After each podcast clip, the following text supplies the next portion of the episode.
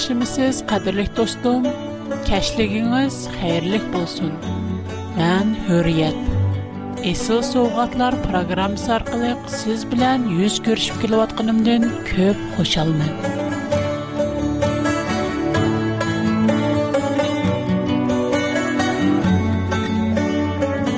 Mən bilan birga o'tkazgan mushu qisqagina yarim soat vaqtingizni sizning мұшы bir kun ішеді آن اهمیت نیک و آن مهم وقت نصب بودنی امید قلم است.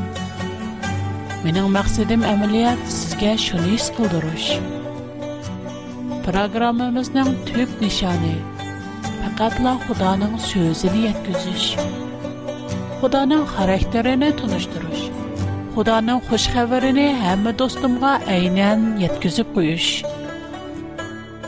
Balkim programmamızda roman, hikaye anlatış programmalarda külkülük, yumorluq gaplar yo'q. Biroq uningda Xudoning haqiqiy va buyuk muhabbati bor. Shunga do'stim, sizning har doim programmamizga qatnashib turishingizni orzu qilaman. Bugun qadrli do'stlarim bilan biz öz savabımızga tayanıp cennetki kiralandık degan tema üstüde söhbetleşmekçimen. Qadirlik dostlarımның mən bilen birgə bu vaxtda əstayidil izlenip görüşini ümid qılaman. Biz öz savabımızga tayanıp cennetki kiralandık. Köpünçimiz öz savabımızga tayanıp cennetke kirimiz dep oylaymiz. Әм үз яхшы эш әмәлләребез аркылы дәннәткә киришкә тирешмиз. Ондакта дәннәт кандак чай. Дәннәт Худа турдыган мутлак, сап ва пак ер. У ерг пакат бүтүнлей пакланган ва адил кылынганлар хаккани кишилерле киралайды. Бирле кытым гунах садыр кылган адам – Ита, а сиздикен набах булган булыды. Алайлык безнең адам атбыз белән, һава анемиз бер кыттем гүнәһ садыр кылып, набах булган, улыгылыктан курык калган. Уларның гүнәһ садыр кылыш җәрияне Тавротның ярытлыш 3нче бабында әне хатırlанган. Яңа Куран-Карим 2 36-нчы аяттымы баян қылынған. Шейтан у иккисен тейил дурды. Мән и кылынган дарахнын мевисин йүзүп туруп жәннәттін жаннаттан чыгарды. Ондакта гунахнын акыбыты неме? Мукаддас китап Инжилнын 6-нчы бап 23-нчы аятта мондак Gunahnan badeli ölüm. Şondaq adamatimiz hawa animiz gunah qılıp Hudanin ulughlygidan mahrum boldi. Bu wagta Injil rimliklarga hat 3-nji bab 12-nji ayat 23-nji ayatlarda mondaq diligen. Adamlarning hammisi yoldan chatnidi. Ärzimas bolup chiqtı. Mihraballık qılğıcı yoqtır, hatta birimə. Adəmlərin hamısı günah sədir qılıb, Xudanın uluğluğu qətilməy, onundən məhrum buldi. Çünki bu dünyada birmü pak səb adam yox. Həm Əysə məskitdən başqa heç qandaş pak səb adam bulub paxmğan. Adamat bilən hava ana Худаның яхшы белән яманны бүлдердегән дарахның мейвесен исәң, чокым үлесән дигән сүзгә ишәнде. Улар мейвене иде. Худаның кануны буйча үлеше кирәк. Худа үйткан үлем кайсы үлемне күрсәтте? Безнең беренче кытымлык үлемебезне, яни мушы дөньядагы үлемебезне күрсәтәмдо яки тозакнымы?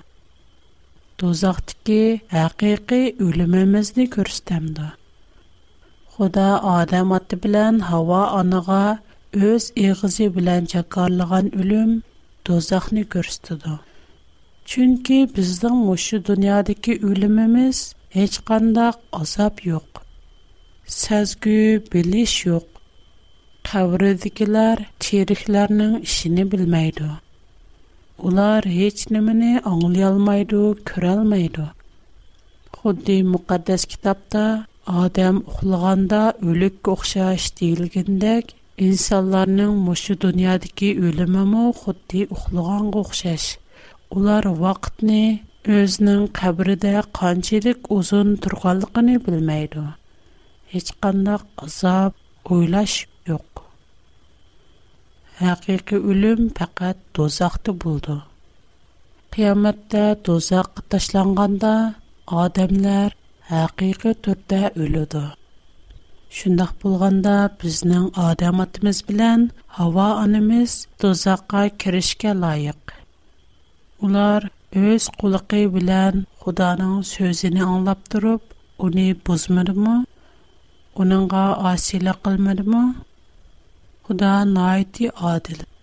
U adil bulgashka, adem atibilen hava anıga qadil hükum çukarishi kirek. Əgər bir sotchi, bir qatilnin cinayet pakitleri tulluk ispatlandıgan ingin, unanga kecherim qilib, unu qivese, kishilar unanga qayil bulamdo, u adil sotchi mo? Elvet Шуңа Худа әгәр Адам белән Хава анага кечирим кылып, аны куйвәсә, уму адил эмас. Бара Худа адил булып калмай, яна найти мехрибан. u o'z yaratgan insonlarni shu qadar suydi qandoq qilish kerak insonlar uchun noiti tas bo'lgan ish xudo uchun noiti oson Инсандар кылалмайдыган ишинне Худа ассало вujudка чыгарды. Инжилнинг Ибраниларга юлган хатқисими 9-боб 22-аятта мондак теилган. Дарвақа муқаддас қонун бўйича ҳеми нарса дегидек қон билан покланиди. Қон тўкилмай туриб гуноҳлар Шуңа Худа гунахкар булган адамны гунахи юк, халал һәм һеч кандай кусуры юк бер хайванны курбанлык сүпетидә калтырышкә буйрыган.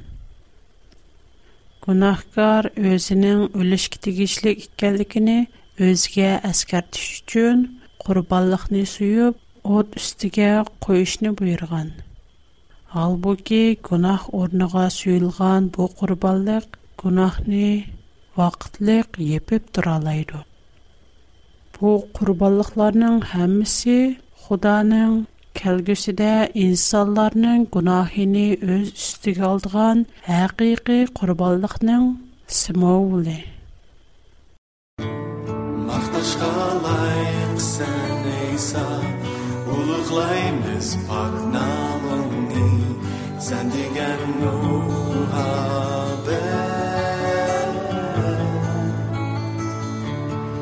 met kärlek sen ej sa, sa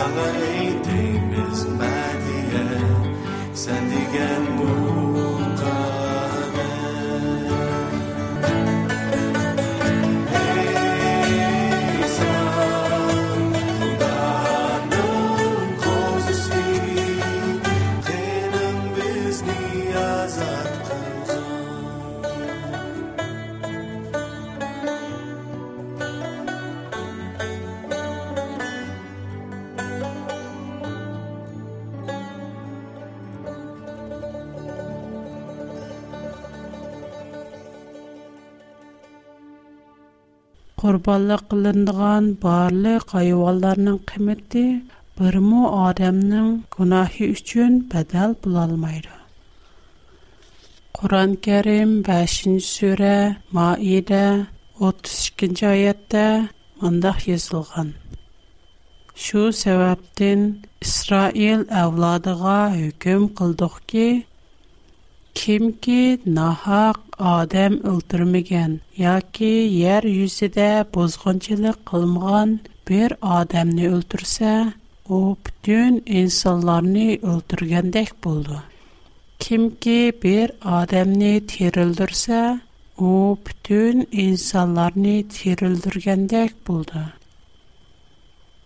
Димек, худа бүтюн инсаларни тир ұлтырганды ған, әм, bütün insanların günahı üçün öldüğən qurbanlıqni verdi. O qurbanlıq haqqında Tavratdakı Yaşaya peyğəmbərinin kitabı 52-ci bab 13-cü ayətdən 53-cü bab 12-ci ayətgəcə munda xatırlanğan. Pərverdigar mundaq dedi: Көрөңлар ки, менен кулум даналык белән иш көрдү. У халыкның алдыда юқуры орынга көтүрүлдү. Нахайети юқуры орынга эриштүрүлдү. Лекин нургон кишилер уни көрүп, интайын хайран кылышты. Чүнки унун чырайы башкаларныкыдан көп сахмиленген. Onun turqi şu dərəcədə buzutilgan ki, onun da hətta adam siyaqı mı qalmıqan. Şundaqdı mı o, nurğun qoğumlarga qan çeçib günahlarını yuydu. Bizni xəvrimizga kim mu şengen? Әм пәрвәрдігарның білікі bolgan kishi кімгі мо біленген? Құданың құлы өзінің алдыда құдды юмран майсыдек өскен Ұу ғудді қургақ тупрақта үлдіз тартип өскен өсімлік ұхшыған иди. Оны көргенімізді оның көліп қылығды кирайи, ялки, салапти йоқ иди. Оның тақ турғыму бізні өзге мәхлия қылалма ідди. Ұу кішілердар бідін чадкиқы қылди хэм кәмістілди.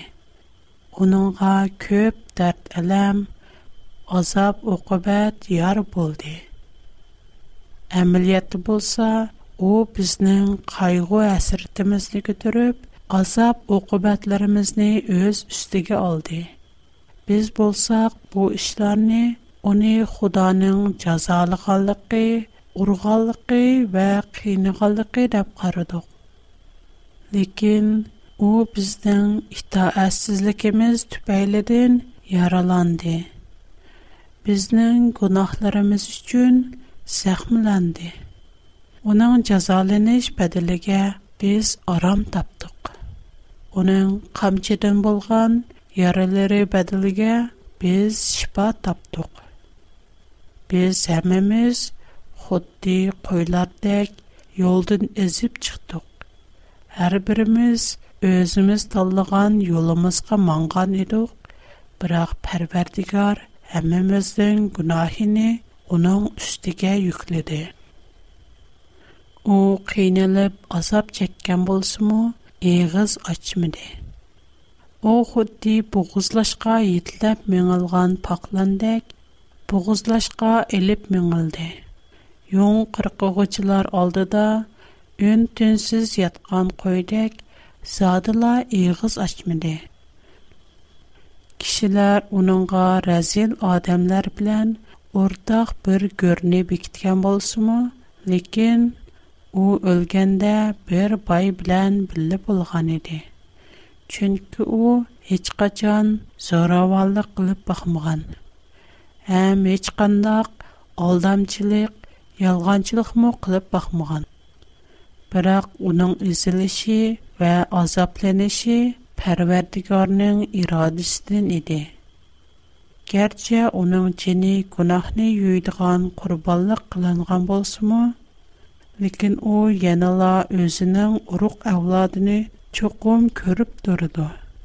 Şondaqla onun köredigan külleri uzartdy. O öz çenining tartdygan azap oqup bitizden mevisini mewisini көңілі қанаәтленіп, мәмнун болуды. Худа ені мұндақ дейді.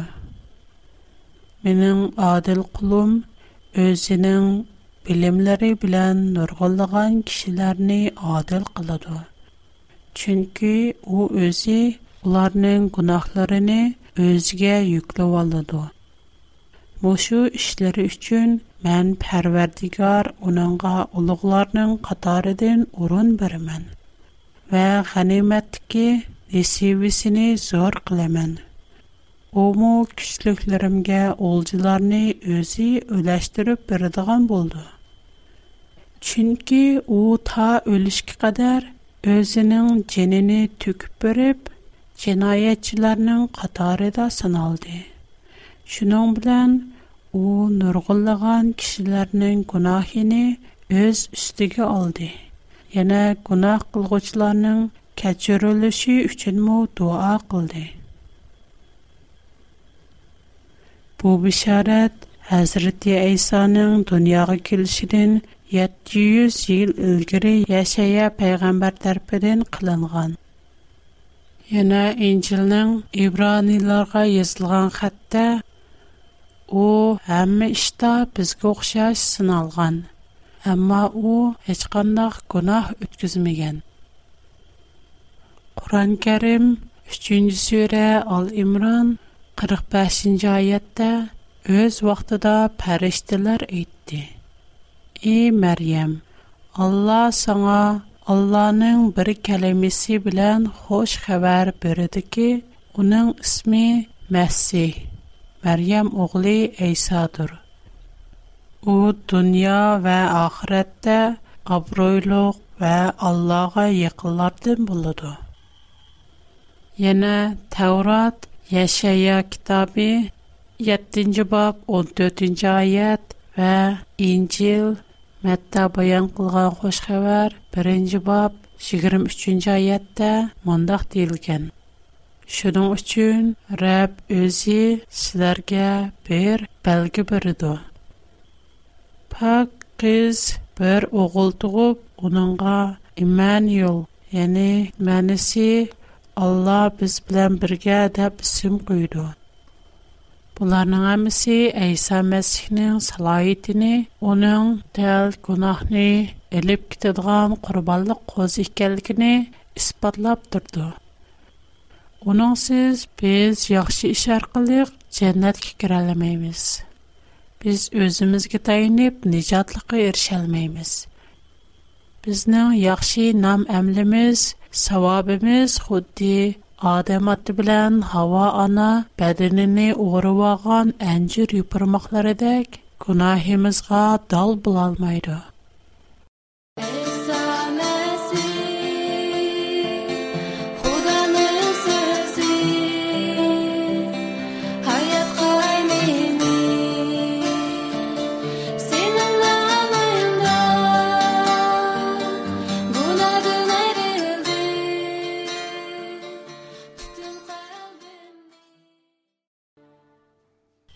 Mən bu yerdə Quran-Kərim 5-ci surə Maidə 32-ci ayətni alohida təkrarlab ötməkçimən.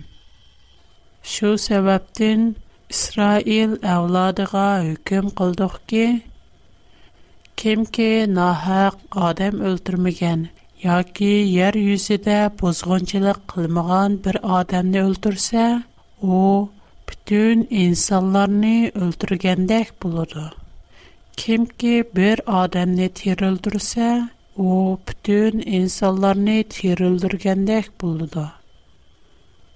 Bu oyatlarning ma'nosini tushunib ko'raylik. Kimki gunohsiz bir odamni o'ldirsa, butun dunyodagi insonlarni o'ldirgan bilan barobar. Isa Masih gunohsiz edi. Holbuki u kishilar tarafidan kerasga mixlanib o'ldirildi. Demək, kişilər onu kiris qımaqlab öldürgəndə bütün dünyanı ölümgə hüküm qıldı. Bütün dünyadakı insanlarını öldürdü.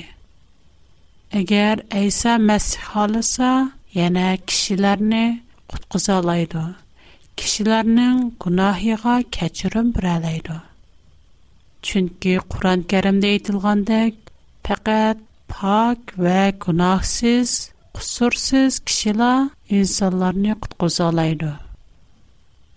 Şuğa bizning sawabimiz, bizning yaxshi ish emlimiz hech nimaga arsimaydu. Biz ul sawabimiz bilan jannatga kiralmaymiz. Chunki Xudoning nazarda inson sap yoki sap emas, pok yoki pok emas deb ayraldu. Hali pok yoki pokroq deyish mavjud emas. Inson bolasi tamoman soplanib, yangilanmoqcha jannatga kirolmaydi. napok odamlarning jannatga kirishiga yo'l qo'ydi mudayloq.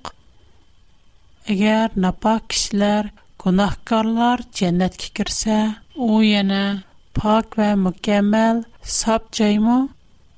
İnsanlar öz rezillikini o yerde mu davamlaştırmaz mı?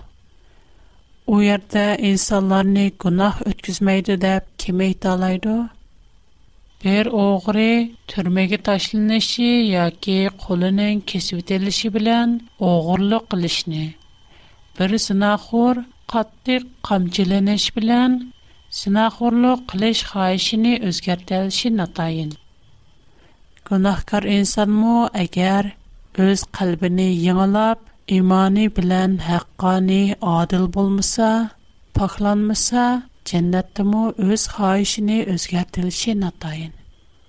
Əgər şundaq bolsa, cənnət bir top günahkar kişilər bilən tolsa, o yenə gözəl caymı. Əgər cənnətdə yenə günah mövcud bulub У чае хушанлык кайнап турдыган бахтлык м かん мы?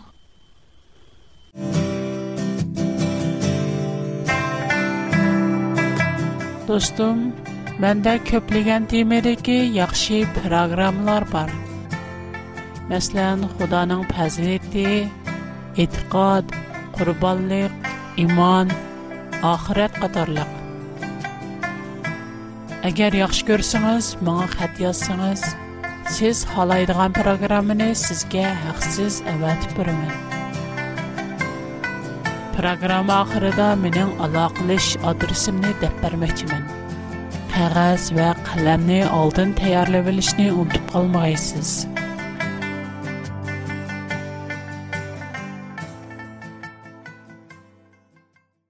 Yuqorqi mazmunlarni takrorlab o'tsak, Худаның адиллығы әрбір кұнақ гунах үчін гунахкарның жазаленішіні тәләп қылды. Бірліқ үтім өткізілген кұнаққа тегіштік болған жаза мәңгілік өлімдір. Яны Худадын айырылыш, дозақ.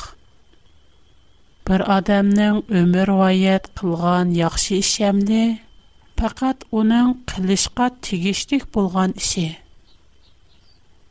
inson o'zining yaxshi ish amli bilan o'zining birmu gunohini yuyolmaydi yaxshi ish qilish faqat insonning qilishga tegishlik burchi xudo noiti mehribon va shafqatlik u bizni noiti cho'nqur so'ygi bilan so'yganlikdan bizni qutqizishni xohlaydi u o'zining odilligini mehr muhabbatini qanoatlantirish uchun masih aysoni bizning o'rnimizda gunohlarimizning jazosini o'z ustiga elishi uchun uni avatgan masih aysoning ulushi har bir insonning har bir gunohi uchun tegishlik bo'lgan jazosini o'z ichiga olgan Мәсіх біздің гунахларымыздың әмісіні өз разылығы білән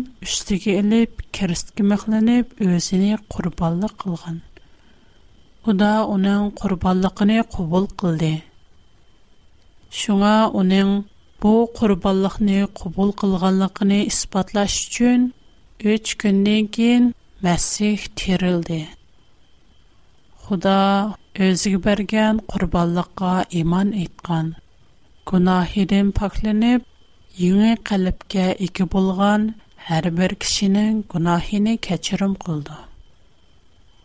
Шуңа безнең قутқусылыш юлыбыз фаҡат иман итү эш һәм Худанабыз кибргән ҡурбанлыҡыға ишин эш. bu бу дженнәтне берҙембер юлы. һеч ким өҙгә тайнай yaxşılığına yaxshiligiga tayinib jannatga kirolmaydi Unutub qilmayli bizning burchimiz yaxshi ish qilish bu ham bizning qilishga digişdik birdən bir ishimiz agar gunoh qilsak çuqum ölümüz. imon etsək, Xuda bizə nijotliq yolunu ko'rsatib turdi quran karim 3 surə nisa 55-йа аятта, Бу ахта мундах дийылду. Өз вақтыда Алла айтти. И Иса, мен сіни қабзи рух қылымен, Сіни даргахимға көтірымен, Сіни капырлардин пак қылымен, Саңа агешкәрләрні, Қиямәт ките капырлардин үстін қылымен. Худанын қурбаллықа шэнсек, Иманы исақ, u bizga jannatni va'da qilgan jannat go'zal va pok joy u yerda o'lim og'riqsaloq urush jidal qayg'u hasrat va mushu dunyodagi har xil razilliklardan qilcha asar yo'q Мәңгүлек аят безне саклап торды. Кадерлек достым, халысыңыз uningga erisha olasiz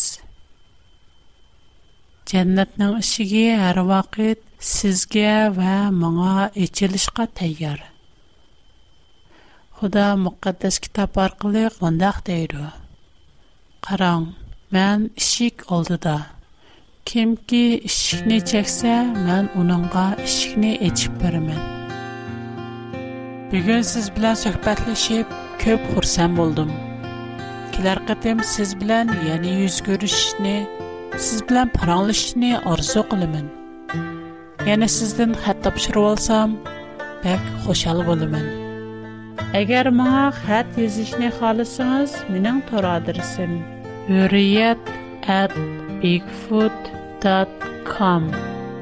yozildi h u r i y e t chamber ichida e b i g f o o t chikit c o m mana bu mening to'r adresim mening xat adresim a w r bular cho'ng Чикенч қорға, чонг пи, чикет, чонг о, чикет, чонг би, кичек о, кичек екез, шыз он. Астан қорға, чонг о, кичек n, кичек джи, чонг хи, кичек о, кичек n, кичек джи. keyingi qadam ko'rishgacha omon bo'ling xudo sizga baxt bersin xo'sh xudoga omonat